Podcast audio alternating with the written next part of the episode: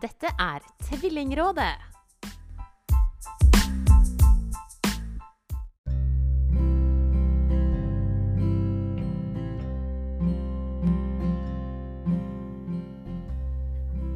Det set i hver deres tripp-trapp-stol, med usalta pastaskruer og rosa lakseflak på bordflata mellom dykk. Og tvilling 1 klemmer all maten til en ball i den store, vesle neven sin før han dytter det inn i munnen. Han et som jeg, fort og utålmodig, mister det meste utad. Tvilling 2 et kontrollert og pertentlig med perfeksjonert pinsettgrep. Og da kommer Cornelius Frestvik og turistens klager på radioen. Det synger noen unger på Karl Johan. Det er min barndoms favoritt, sier jeg. Og jeg er trøtt og tveksam, men deres sang er glad. Og så kommer refrenget med ungene som ler. Det ser forundret rundt dykk, på leit etter latteren. Og far dykkar stiller seg bak søyla midt i rommet, kikker fram, først fra ene sida, så andre. Titt, titt, ein, titt, hei, to, titt, hei, Cecilie. Og det begynner også å le. Det ler med åpne munner. Ler som vi ser de skeive små isfjellene nedi munnene deres. Og hele tida slår det nevene i bordflatene. Slår og slår, ler og ler.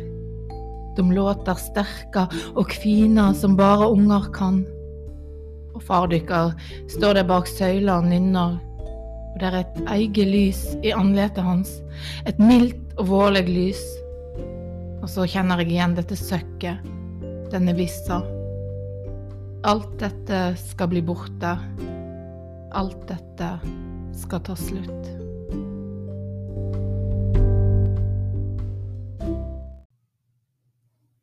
Ah, det er så vakkert.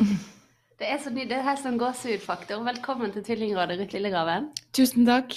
Du har faktisk skrevet de ordene helt sjøl, du. Det har jeg. Det er eh, veldig stas at du er med i podkasten vår i dag, fordi vi kjenner hverandre litt fra før. Mm -hmm. Eller du kjenner egentlig kona mi fra før. Hun kjenner jeg fra langt tilbake, ja. Ja, så det, egentlig så er det nesten litt sånn hellig at jeg får lov å, å pirke i ditt og dine ting nå. Men, men eh, du har tvillinger sjøl, Mhm. og dette diktet eh, Hvordan eh, liksom fletter de seg inn i det? Ja, dette diktet er fra ei diktsamling som heter Urd, som kom ut i 2013, når guttene mine var Jeg har tvillinger som nå er ni og et halvt år, da. Og da var de eh, sånn eh, ett og et halvt eller 15 måneder når den boken kom ut. Så jeg hadde jo skrevet den ferdig eh, mens de var veldig små. Eh, og da var det jo litt sånn at eh, alt som skjedde med Eller ja, eh, både graviditeten min og fødselen deres, holdt på å si, eller spedbarnstid deres, og etter hvert litt sånn ettåringstider som, som blir beskrevet her, fletter seg inn i, i skrivingen, da. Mm. Uh, og nå er jeg veldig glad for det, for jeg hadde jo glemt liksom Jeg hadde glemt dette diktet omtrent. Jeg hadde glemt øyeblikket for lengst, hvis ikke det var fordi at, at jeg faktisk har skrevet det ned, da. Mm. Men, men jeg husker akkurat dette liksom litt sånn sjølbiografisk. At jeg husker, at, jeg husker akkurat den episoden at den sangen kom. Og at det er jo en sang som jeg har vokst opp med og er veldig glad i. Og at de begynte å le fordi de hørte latteren i sangen og ikke skjønte hvor den kom fra. Ja. Mm. Og så husker jeg òg den der melankolien som, som kommer fram på slutten der, da. Som, som falt over meg omtrent med en gang de var født. At oi, det er så fint at de er født, og de er så fantastiske. Og, men oi, de skal dø en gang, og før da skal jeg dø. Og, Ja. det var sikkert litt sånn barselstårer og, og poetlegning i kombinasjon. da. Er det li- Poetlegning, det liker jeg. Det er et ganske bra uttrykk, tror jeg. Men jeg, og jeg, jeg forstår jeg, jeg kan jo ikke helt forholde meg til det med bar, Eller jeg kan forholde meg til det, men jeg kan ikke forstå det med barselstårer. For jeg har jo aldri født tvillinger, men jeg har definitivt opplevd Vært Den tett på, ja. Jo, den der Og det å liksom bli så djupt og inderlig glad i et annet menneske og være villig til å liksom Ja, den kan jeg på sett og vis. Og den melankolien om at en Mm. gang skal det forsvinne. Men uh, men legg på litt barselstårer oppå der igjen. Så det var vel en stund etter de verste barselstårene. Skal, men jeg, jeg, jeg fikk en veldig sånn der eh, grubla veldig mye, eks- enda mer enn vanlig på liksom det her med liv og død, da jeg hadde fått mine, mine første barn. Mm. Ja, for Mm. tvillingene er dine første. Ja. Så har jeg to stebarn som eh, Altså De var vel seks og åtte når jeg møtte de første gang, og nå er de 18 og 20, så de er plutselig en helt annen sjanger enn eh, enn de var. Men eh, mm. Og så er det jo Det òg er jo spennende, men det er jo noe med det der ja, Jeg vet ikke om det er lov Jo, det må jo være lov å si at når en får egne barn, så blir det jo en helt annen greie. I hvert fall fordi du er med på de fra starten av, ikke sant? Ja, en er med på det fra starten av, og så har en jo En har på en måte ansvaret på en helt annen måte. Da. Jeg har jo syntes at det har vært veldig kult å være stemor. Det er jo et stort privilegium. Og blir egentlig bare kjekkere og kjekkere ettersom de blir større og, Mm. og plutselig er voksne mennesker. Men, eh, men da har en jo, kan en jo alltid liksom Da er en jo ikke hovedansvarlig for de barna på noe vis, liksom. Så sånn, eh, det var ganske overveldende å ha disse her to små menneskene som en plutselig hadde De har bare deg. Ja, eller de hadde jo meg og pappaen sin. Ja. Uh, men uh, uh, så, ja, jeg husker babytida som veldig grei, da, i motsetning til sikkert mange andre. Altså, synes, men, men det er mulig at det er bare fordi at jeg har fortrengt, at jeg egentlig ikke husker noen ting. Men jeg husker liksom perioden fra ett til tre som de kanskje var inne i når jeg skrev dette diktet, som, som, som de mest sånn strevsomme, da. Der de liksom plutselig hadde full mobilitet og ingen risikoforståelse og Mm. sprang i hver sin retning. og Jeg turde ikke gå ut av døren med de aleine en stund, liksom. Iallfall ikke uten å snøre de fast i ei vogn. Så sånn sett så syns jeg liksom baby babytid var Da var de mer kontrollerbare, i hvert Mm. fall høres fælt ut. Men Ja, og det er jo et faktum der at tvillinger f.eks. sitter lenger i vogn ofte. Fordi Mm. at man har behov for å, å kontrollere og regulere. Det er vanskelig å regulere to da enn én. husker jeg kjørte de inn i barnehagen i tvillingvognen når de var, de var sikkert to og et halvt eller tre og kunne for lengst gå sjøl, men Ja. det var liksom for å unngå at de pilte ut på veien eller Ja. ja. Det er nok det- sikkert veldig vanlig, ja. Det er veldig vanlig, og så er jo alle selvfølgelig, alle historier er forskjellige, men det der er en sånn greie som jeg ser, og som eh, må adressere i kursene våre, at det er, det er helt vanlig, og det er ikke noe en skal kjenne på, fordi man må, man må jo ha kontroll, spesielt Mm. hvis det er farer og sånne ting. Så. Men jeg har lyst til å gå litt tilbake til eh, når du fant ut at du fikk, eller at du ventet tvillinger. Ja, For tilbake det til pleier jeg alltid å starten. spørre. Hva tenkte du når du skjønte at inni her var det ikke bare én baby, men to?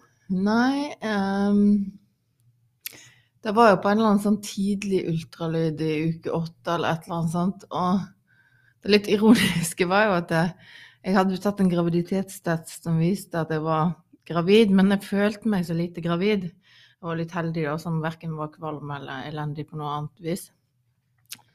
Sånn jeg insisterte på at vi skulle gå på en sånn tidlig ultralyd for aller mest for å få bekreftet at jeg faktisk var gravid. At det ikke bare var sånn innbilt graviditet. Uh, og jo, og da viste det seg jo at det var ikke bare én, men to inni der. Uh, og samtidig som jeg var usikker på om jeg egentlig var gravid, så, så, så ble jeg ikke så overraska, liksom. Uh, jeg husker liksom at jeg, at jeg fniste litt, da. Og eh, ja, nå er jo dette veldig lenge siden, det er jo over ti år siden. Men eh, jeg tror det var vel ingen av oss som fikk sånn helt erklært panikk, i hvert fall. Eller gikk inn ned i eh, noen dyp depresjon, eller eh, Det var mer sånn OK. og så, og så syns jeg jo fra start av at det var ganske stas at vi venta to, da. Jeg husker jeg følte meg litt sånn klysete utvalgt, nærmest. Og det Mm. satt i eh, lenge, både gjennom graviditeten og når de var sånn små. Altså, husker jeg trilla rundt på sykehuset med disse her to oppi den der boksen, og, og, og nærmest så litt sånn ned på de som triller rundt med én, liksom. Men nå er det mange nå, altså sånn, alt det der blir liksom Nå tenker jeg aldri over at de, at de er tvillinger sånn til dagen, liksom. Er de veldig ulike? Ja, jeg vil si at de er veldig ulike. Det er det teiteste spørsmålet jeg stiller, fordi alle tvillingforeldre svarer ja på det spørsmålet. Ja.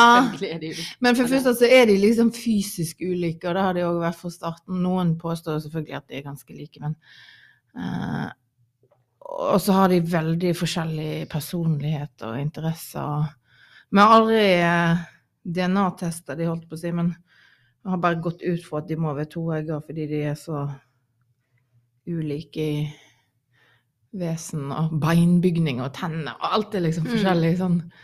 Og en er veldig opptatt av fotball, og en er ganske mye mindre opptatt av fotball, og ja, de er liksom ja, forskjellige. Mm. Kan, kan du eh, kan du huske, liksom, har de noen gang registrert eh, at liksom, å ja, jeg er tvilling, og det er ikke det alle som er? Er- Ja, det har de sikkert, men jeg syns egentlig de har vært overraskende lite sånn eh, Kanskje fordi vi snakker relativt lite om det, men altså, de snakker egentlig aldri om sjøl at de er tvillinger, eller at vi er spesielle eller annerledes, eller. De har nok vært veldig opptatt av ganske lenge å liksom eh, markere seg som, som selvstendig individ. Nå Mm. siste eh, Siden nyttår så har de gått i hver sin klasse, da. Og da tror jeg liksom var sånn Etter å ha alltid gått i samme barnehagebase og samme klasse siden de begynte på skolen, så, virk, så skulle klassekabalen legges på nytt, og da sa de begge to veldig tydelig at de ville gå i hver sin klasse. Ja. Så de er nok mer opptatt av, av å markere at de er to helt forskjellige individ, enn å markere at de er tvillinger, eller det virker som de filosoferer lite over det fellesskapet, da. Men Mm. eh, hva vet jeg. Nei, ikke sant. Det er jo, og de, for de er det jo Altså, de vet jo på en måte ingenting annet. Nei. Så det blir litt sånn ja, Det blir et rart spørsmål, men jeg, jeg pleier å stille det fordi det er litt interessant. Eh, og når vi spør tvillinger om det, samme, sånn som Espen Nakstad, han var her Mm. for bare noen uker siden, og han, han sa de hadde aldri liksom tenkt over eller oppdaga Eller liksom kommet ut av det der tvillingskapet, da. Eh, men, men de skjønte jo at det var noe litt annerledes, men de var òg veldig sånn opptatt, eller klar over at det, de hadde jo ingen andre referansepunkt, så de, de forholdt seg nå bare til det. Ja, det ble litt sånn det, Han sa ikke at det var et teit spørsmål, men det var litt sånn, det var vanskelig å svare på det, rett og slett. ja. Og det kan jeg jo forstå, men det er jo litt gøy for oss som ikke er tvilling, og, og, og likevel jeg kanskje reflektere litt rundt det. Mest av alt fordi vi prøver å forstå ungene våre. sant? Går Ikke sant? Og, og Jeg Men- tror jo det er litt annerledes at en blir eksempel blir sammenligna. Det gjør jo vi òg, selv om altså sånn Verken jeg eller mannen min tror jeg noen gang omtaler de som tvillingene. Og når jeg hører andre folk omtale de som tvillingene, det er ikke sånn at jeg blir sur eller misliker det, men jeg skvetter alltid litt, liksom. mm, Altså sånn, altså For det høres ut som noen andre enn ja, Vi omtaler de jo som guttene, jeg vet ikke om det er noe bedre, da. Men, eh, men eh, liksom tvillingene, hvem er det, liksom? Å ja, det er Sverre og Torkil som de heter, liksom. Um, men eh, hva var det jeg skulle si nå? Um, Det med å forstå ungene sine, kanskje. At det er derfor vi lurer på det. Ja, for selv om jeg eksempel er veldig opptatt av, eller liksom aldri tenker på de eller omtaler de som tvillingene, så jeg tror at vi liksom ubevisst hele tida sammenligner de litt mot hverandre, og mer enn en kanskje gjør hvis det er to eller tre år mellom. Mm. Uh, at de går jo gjennom de samme fasene og opplevelsene og impulsene hele tida, og da er det liksom Å ja, sånn reagerte han, mens han Det der takler han mye bedre. Altså sånn Mm. ubevisst driver vi jo og liksom måler de eller sammenligner de med hverandre hele tida. Men har du vært veldig opptatt av tvillinger før du fikk tvillinger sjøl, eller var det et tema som liksom traff deg litt når du ble gravid med tvillinger? Ja, nei, jeg er vel ikke noe jeg har gått rundt og Du har ikke alltid visst at du skulle bli tvillingmamma, liksom? Nei, og jeg hører jo noen si at de alltid har ønsket seg tvillinger, eller på ordentlig, liksom, virkelig. Eh, Men jeg tror ikke jeg liksom eh, hadde filosofert så mye over eh, Du er kanskje ikke blant de som tenkte aller mest på at jeg en dag kanskje skulle bli mamma heller, før jeg liksom faktisk Eh, Nei, det er ikke et sånt tema som jeg alltid har vært opptatt av, eller jeg kan ikke si at det er et tema som jeg er så opptatt av nå heller, egentlig. Men jeg merker jo for eksempel ehm, Jeg er nok selvfølgelig mye mer opptatt av det nå enn jeg ville vært hvis jeg ikke hadde tvillinger sjøl, tenker jeg. Mm. Og, men samtidig så er det jo på samme måte som tvillingene mine ikke vet av noe annet, så, så veit jo ikke jeg sjøl av noe annet heller, da. Nå er jeg faktisk gravid med ett barn. Ja, så det var det jeg skulle til å si. Det er du i ferd med å finne ut av. ja, så det er jo litt sånn eh, Nå får jeg jo kanskje noe sammen Eller nå får jeg vite litt mer om hvordan det er å føde og få og oppdra ett barn i gangen, sånn sett, da. Men det var litt gøy, fordi når vi, vi, vi meldte litt for å prøve å koordinere avtale og denne innspillingen, så, så sa du at du, du, du drev og vente deg til å si liksom dette med én Altså det var ikke deg og de to, men det var liksom den ene inni magen der. Eh, Ja, og aller mest sånn når andre rundt meg har fått babyer og sånn, så eller, så har jeg merka liksom sånn I alle år så har jeg Ja, men de våkner jo gjerne om Altså sånn Det kunne vært det er et sånn språklig uttrykk på samme måte som mann, eller eh, Men jeg snakker jo ikke sånn. Så, men jeg har liksom lagt merke til at når noen får en baby, så omtaler jeg på en måte automatisk babyen, eller konseptet baby, i flertall, liksom. Ja, men de gjør jo gjerne altså, sånn, Jeg klarer ikke helt å forklare det på en måte som Ja, jeg, men- jeg skjønner at, eh, at for meg så kommer jo babyer i flertall, liksom. mm. Og at det har satt litt sånn språklige følger, da. Nå har jeg begynt å si Men jeg vet ikke hva vi får denne gangen heller. Vi visste ikke sist til. Men nå har jeg begynt å si den, eller i stedet for de, da. ja. Så jeg har faktisk innstilt skjønt at det er mulig å få bare ett barn i gangen.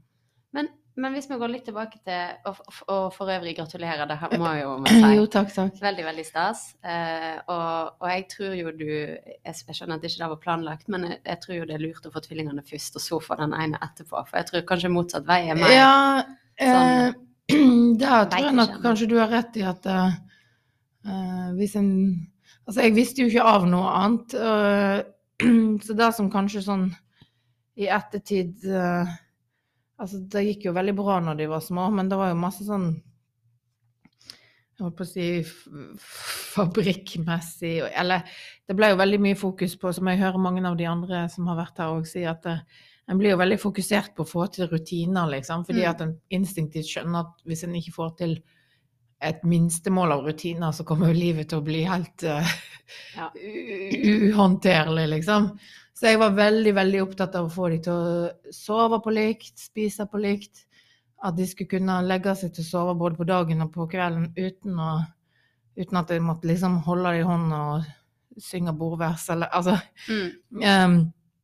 Eh, og alt det der gikk jo for så vidt liksom bra. Men det var veldig lite sånn at de lå Altså det ble lite sånn kosing på bryst og sånn. Det var gjerne Mm. sånn der OK, så ammer vi, og nå har de spist, og da legger dere ned der i bagene. Altså, Mm. Men eh, jeg tror kanskje ikke de har tatt skade av det, og ikke jeg heller. Men det er liksom Hvis en har opplevd en helt annen type barseltid, eksempel, der en med veldig mye sånn kos og nærhet og eh, så ville, så ville det da kanskje vært vanskeligere og føltes mer brutalt, da. mm. Mens for meg så var det, føltes det liksom som, som det naturlige, da. Så nå blir det veldig spennende å se om jeg klarer å videreføre noe av det der. Ja. Eller om det blir en sånn der totalt bortskjemt uh. Men det er jo det der med rutiner, det alle sier jo det er viktig, og det er jo en av de tingene vi poengterer på kursene våre òg. Og det, det er rett og slett for det handler om mor eh, og foreldrene, begge egentlig. eh, Mulighet til å, å faktisk overleve. Og så er det kanskje drøyt å, å, å bruke et så eh, alvorlig begrep, men, men det er en så stor belastning at hvis ikke man har noen rutiner, så er det veldig vanskelig å, å få ting gjort. det. Og så blir det litt sånn samlebånd, som du Mm. sier. Um, så, så det er klart Det er jo veldig mange som, som har fått tvillinger som sier at de forstår ikke helt når andre sier nå må du nyte denne tida, fordi det er jo ikke tid til å nyte. Det, liksom, det går slag i slag. Du blir en logistikkmaskin.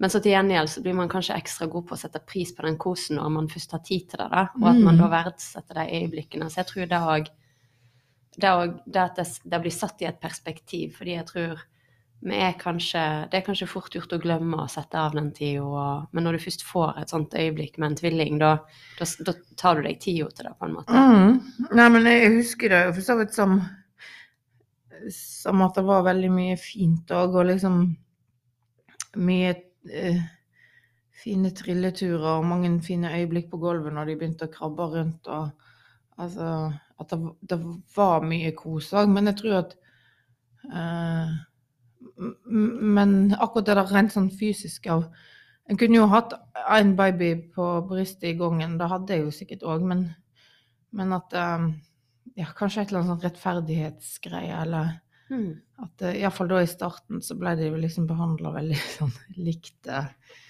um, Ja, du fikk de tilmålte tid og din tilmålte rutine. Det var liksom på med klær og på Og så var det neste gang sin tur. Ja. Men det der at de faktisk sov samtidig på dagen, og, og mine sov veldig godt på dagen, så plutselig så kunne de jo være borte i to-tre timer. Eller ikke borte, men altså sovende, da. Mm. Og det husker jeg jo som en sånn uh, veldig velsignelse at det, det ga kanskje overskudd nok til at det, det føltes ikke så overveldende, liksom. Mm. Og at de relativt tidlig ble ganske flinke i gåstegna til å legge seg på kvelden. sånt at, eh, ja, men nå husker jeg sikkert ikke det som var problematisk, da. Men som sagt så syns jeg egentlig den der eh, Ikke første året, men, men de eh, året eller to årene etter da var kanskje mest sånn overveldende. Mm.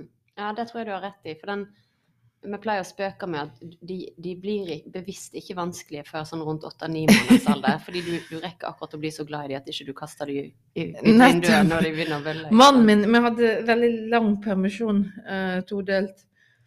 Og han overtok når de var sånn åtte-ni måneder. Da husker jeg faktisk at jeg syntes det var ganske godt å komme tilbake på jobb. Og han hadde de da hjemme i, i åtte-ni måneder, han òg. Så han fikk jo sikkert kjørt seg eh, vel så mye som meg, ja. Da når eh, Mm. Og han som måtte liksom ta tilvenning til mat og Eller sånn gris, griseperioden og lære seg å gå-perioden og alt det der, liksom. Så.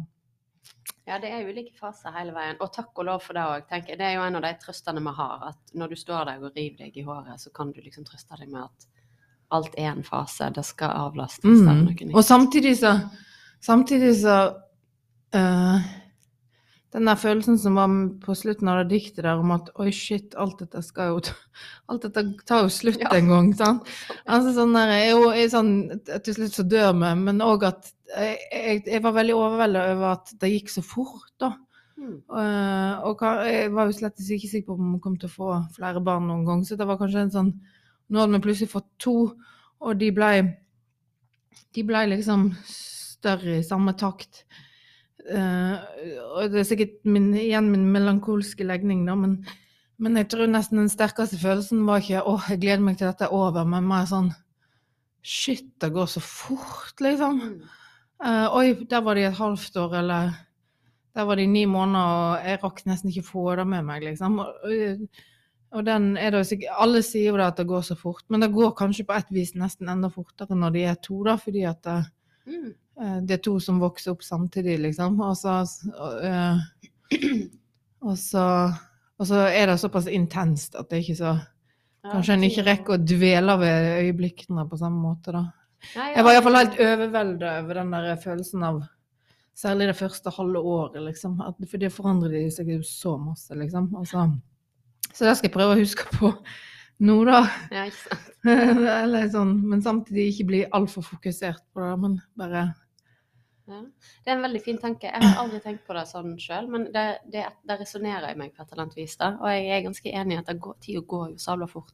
mm. Og den, jeg føler jo at den bare eskalerer. Det går Og jeg- fortere og fortere. Jeg syns jo òg alltid at de var på sitt sø... Altså sånn Mannen min erter meg med det, fordi at når jeg sa å, nå er de liksom i den aller søteste alderen, så sa han ja, men da sa du for et år siden, ja. og året før da.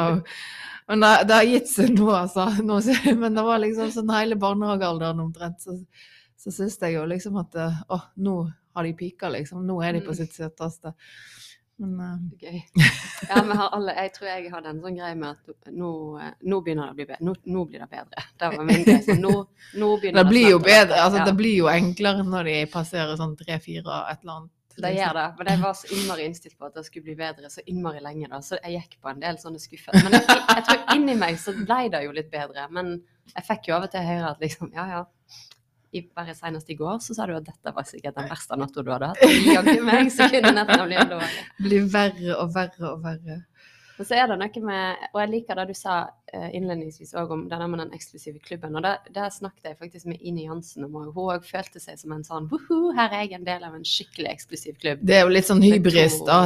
Altså sånn eh, Ja. Det er jo ikke en veldig sympatisk eh, Nei, men det tenker jeg det har vi lov til. Det har jeg vi får så masse juling av de og det er jo ikke fordi det ikke er verdt det, men det er noe med at det er tøff belastning. Da må vi få lov å ha de gull, Ja, ja, gullkortene som vi kan ha. Nei, men det var liksom som en følte seg som en sånn, ja, den er de hellige utvalgte eller et eller annet sånt, eh, særlig da i starten, liksom. Og, Å ja, du har fått én baby, du, ja. Ja. Det føltes litt sånn nærmest stusslig for de stakkarene som gikk rundt med den ene ungen, liksom. Det er bra, det. Man blir jo litt sånn hjernevask av uh, hormoner og alt mulig rart. Ja, Det er godt med en nisjepodkast, så ikke hele, hele verden skal høre. Jeg tenker at litt sånn må det faktisk være lov Ja, ja, ja. Men du, vi skal eh, spore inn i et annet spor, holdt jeg på å si. Fordi du er jo forfatter. Mm. Uh, og du har, jeg tror jeg har aldri verken møtt eller hørt om en så allsidig forfatter som det du er. Fordi du har skrevet barnebøker, du har skrevet diktsamlinger, du har skrevet historier i form av dikt, du har skrevet skuespill, du har skrevet krim. Ja, det er jo kanskje det mest eh, Ja, crazy. Mm. ja, og det kan du si. Og jeg elsker jo historien om Klara og går og venter på bok nummer tre.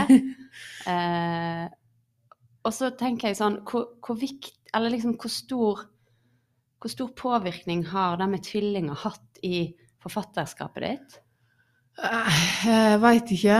Ikke så veldig stor, tror jeg. Men på denne boken som heter Urd, så, så, som jeg las for innledningsvis, så ble jo den ble jo en sånn Iallfall delvis en sånn bok om eh, om min første tid som, som tvillingmamma. Og det er òg en hel del av den er delt i fire eller fem, og det er en del inni der som, som heter Obs-posten, rom sånn og sånn som foregår. For jeg, jeg var jo i svangerskapet innlagt eh, fire uker på Riksen med sånn sengeleie.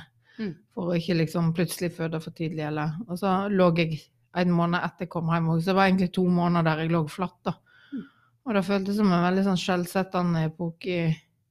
Ikke nødvendigvis at det var så fælt eller så synd i meg, men det var jo kjedelig, liksom. Men det var, sånn, det var en sånn tid som ikke ligna på, på noe annet tid i livet.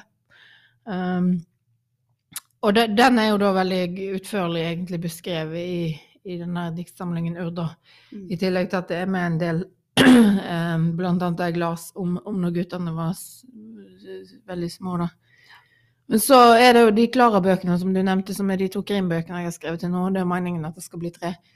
Uh, de handler jo for så vidt om alt mulig annet, men, eh, Klara, som er min hovedfigur, er jo tvillingmamma, og da det, Og hun er fra Vestlandet, og er, så allerede der hadde jeg jo gitt henne to egenskaper som, som, som for så vidt er sammenfallende med mitt eget liv, da.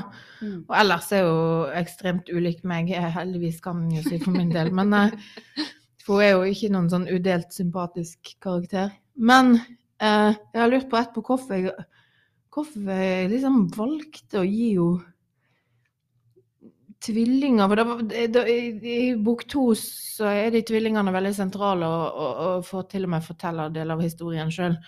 Men i bok én så er de bare noen sånn bifigurer. Jeg tror ikke det var så veldig gjennomtenkt at de ble tvillinger in the first place. Jeg tror bare at det var litt sånn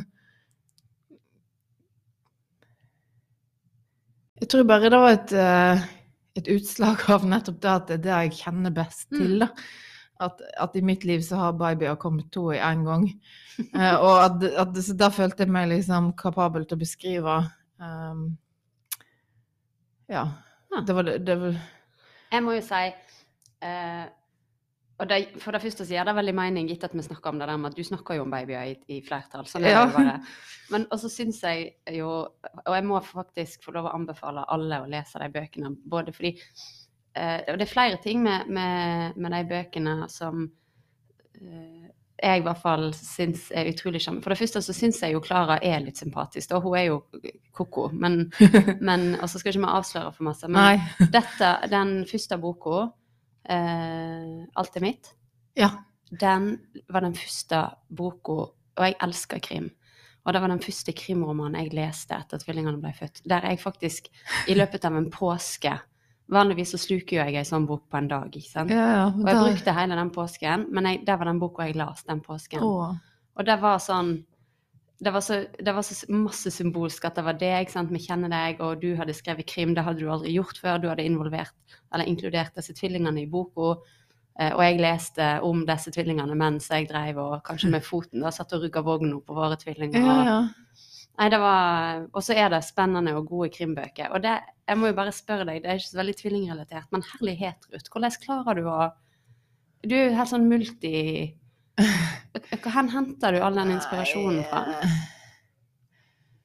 Eh, ja, jeg skriver jo ulike sjanger, men det, det er det for så vidt mange forfattere som, som gjør. Um, og det er jo òg sånn at det, du og de fleste andre har jo òg ulike arbeidsoppgaver på jobben sin, liksom. Altså, sånn, sånn sett så føles det ikke så dramatisk at jeg både skriver barnebøker og voksenbøker i ulike sjangere. Men det er ikke alle som gjør det så bra. Fordi du, du, alt du tar i, blir jo til sånn Brageprisen her. Nei, det er jo ikke sant. Der, jo, kan er eh, Nå vi syns jeg du er vel beskjeden. Jeg kunne gitt deg en lang liste av ting jeg føler ikke går så bra.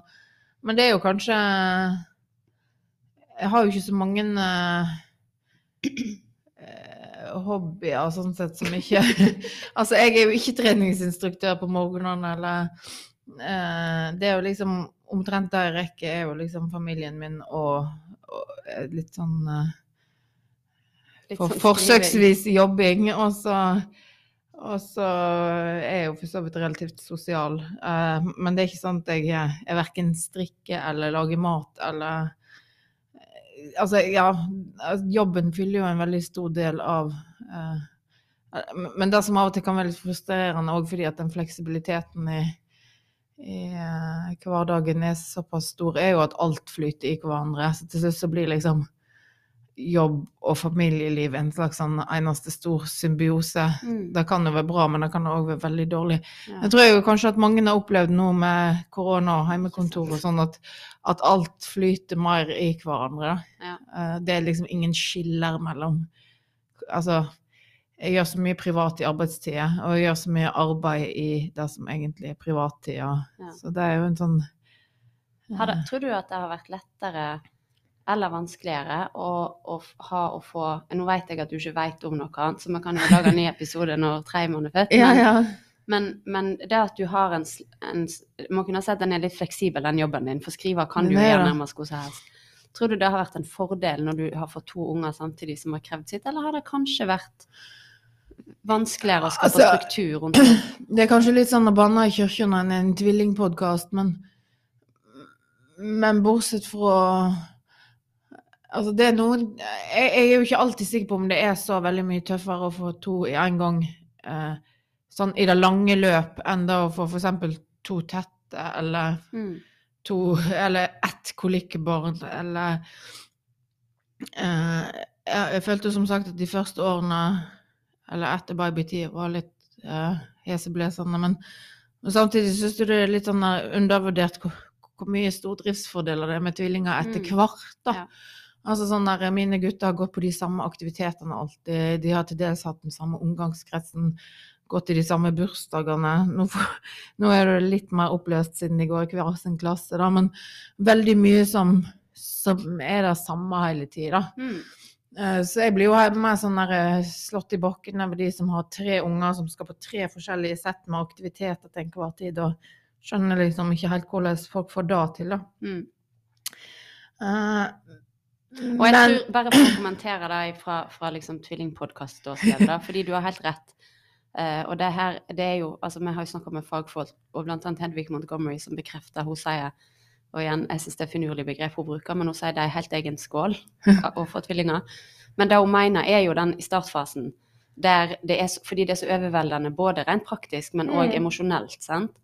Eh, Men det er helt klart at det, er en fase, og det er den kritiske fasen. Foreningen er veldig veldig opptatt av å være der. Og det er jo veldig bra. Mm. Fordi der er det, det er så masse helseissues rundt eh, både psykisk helse, men òg risikoen for svangerskapsdepresjoner, forsinka, forsinka svangerskapsdepresjon. Eh, men òg dette med ja, men teknikker, karpaltunnelsyndrom, som er Ja, ja. Så jeg tror òg at eh, det Det er en veldig belastning før og Ja. etter fødsel og de første årene, og så jevner det seg litt eh, ut. Så får du med, og det merker jeg nå. Vi feirer akkurat fireårsdag hjemme. Og Ja. jeg, sa det, jeg sa det til Marte at liksom Men vi slapp med den ene festen, og så hadde vi to, da. En vennefest Jo, og en barnehagefest. men, Men, eh, men det var liksom, det kunne vært fire, og si de hadde vært født med ett år og ett, en måneds mellomrom, da.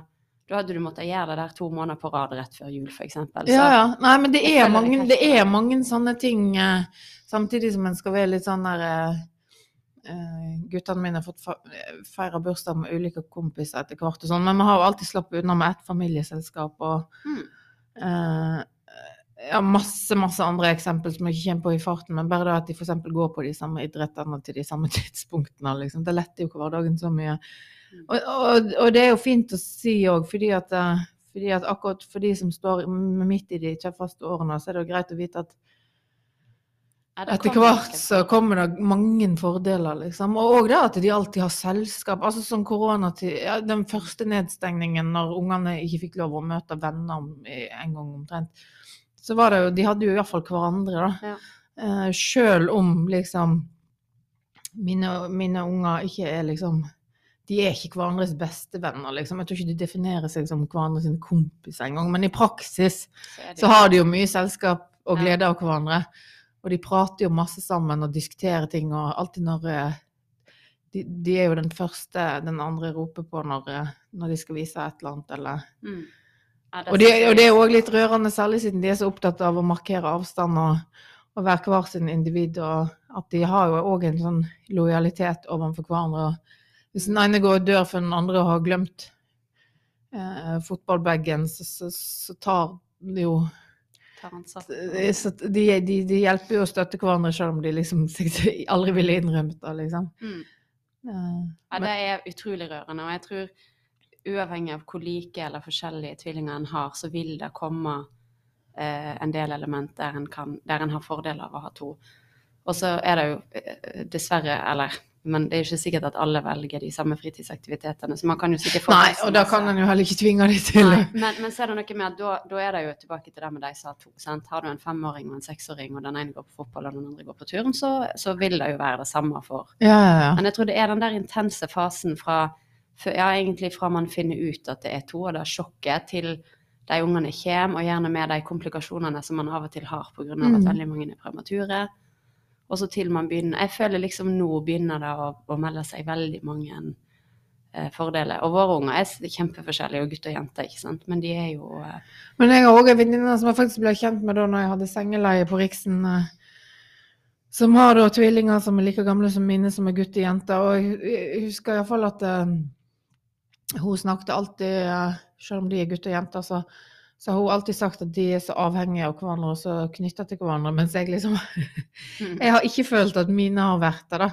Så det der er sikkert veldig forskjellig fra, fra tvillingpar til tvillingpar, og, og uavhengig av eller altså sånn, Selv om de er to egger og hvert sitt kjønn, så kan de være ekstremt knytta til hverandre. liksom, og mm, det, Det kan veldig- finnes enegga tvillinger som ikke er så, eh, så knytta til hverandre, sikkert. Så. Men det er jo veldig fascinerende. Nå merker jeg jo at det, det er jo et fascinerende tema. Som en, når en har vært tvillingmor i snart ti år, så er en jo sikkert litt over snittet opptatt av, av tvillinger som tema. Da. Og det er sikkert derfor det har sneket seg inn i, Mm, ja, i disse. Klara-bøkene som du nevnte. Da.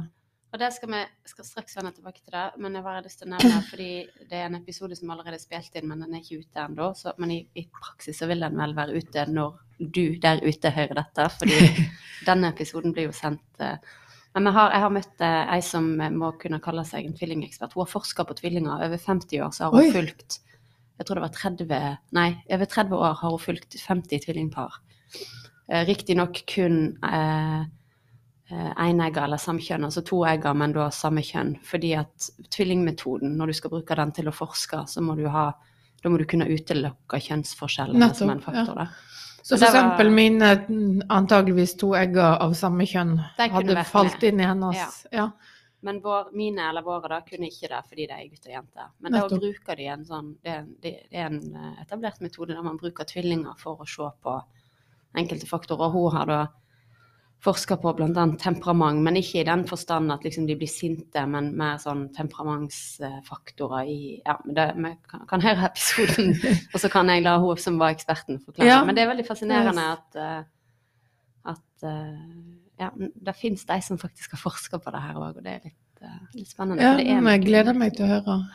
Veldig stas. Men du, vi skal vende tilbake til Klara egentlig mot slutten her. Fordi eh, hun er jo tvillingmamma, og selv om jeg kaller henne Loco, eller Koko, som jeg sa, fordi det er hun jo på sett og vis, men samtidig så har jeg Jeg liker godt Klara. Hun snakker nynorsk i boka, så det må jeg òg få lov å si. Du skriver eh, Når Klara forteller, så skriver, hun, skriver du på nynorsk. og Mm.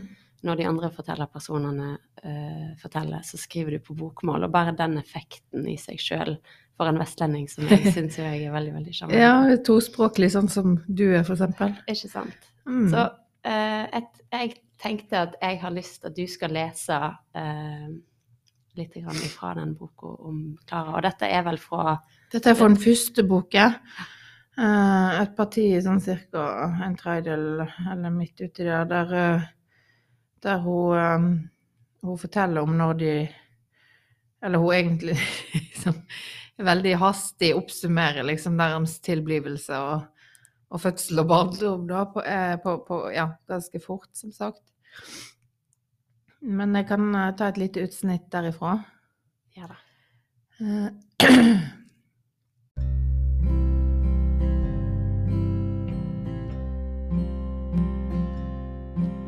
Da guttene var et halvt år gamle, begynte jeg å jobbe igjen. De hadde begynt å slåss. De lå ved siden av hverandre. To runde bylter i bleie og ull som ikke kunne gå, men slå hverandre i hovedet. De skreik og slo og slo og skreik, og jeg visste ikke hva jeg skulle gjøre med dem. Håvard var mye flinkere. Han var et naturtalent. Løfta og slengde og gurgla og kitla og laga grimaser. Fikk dem til å slutte å skrike og slå. Til å le og le og le. Fra guttene var tre-fire år av, ble den evige slåssinga og kranglinga avløst av en slags overveldende symbiose. De brukte ikke ordet 'jeg', det var alltid et stort 'vi'. Vi og Andreas, sa Nikolai, og mente seg og broren.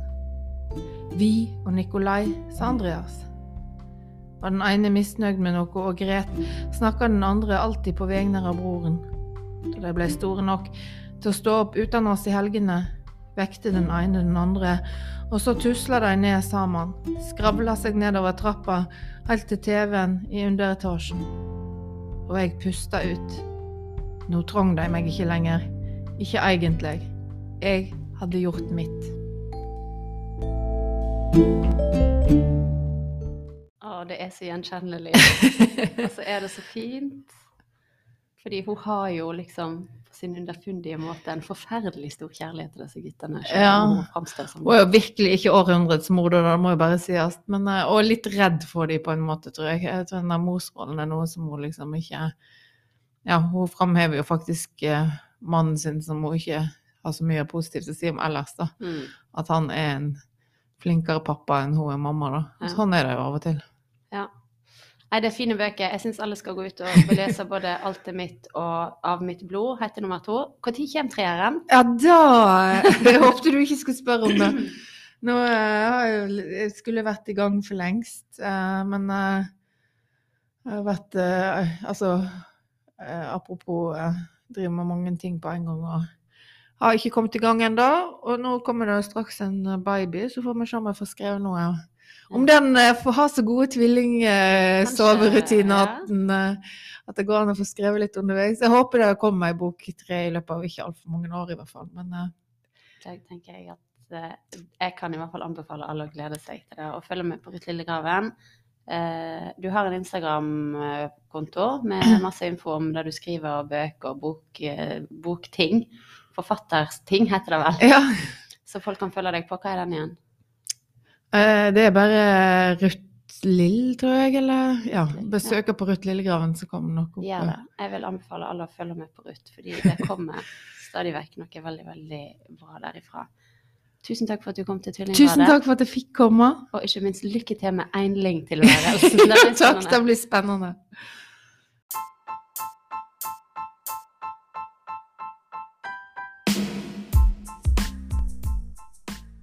Du hørte på Tvillingrådet.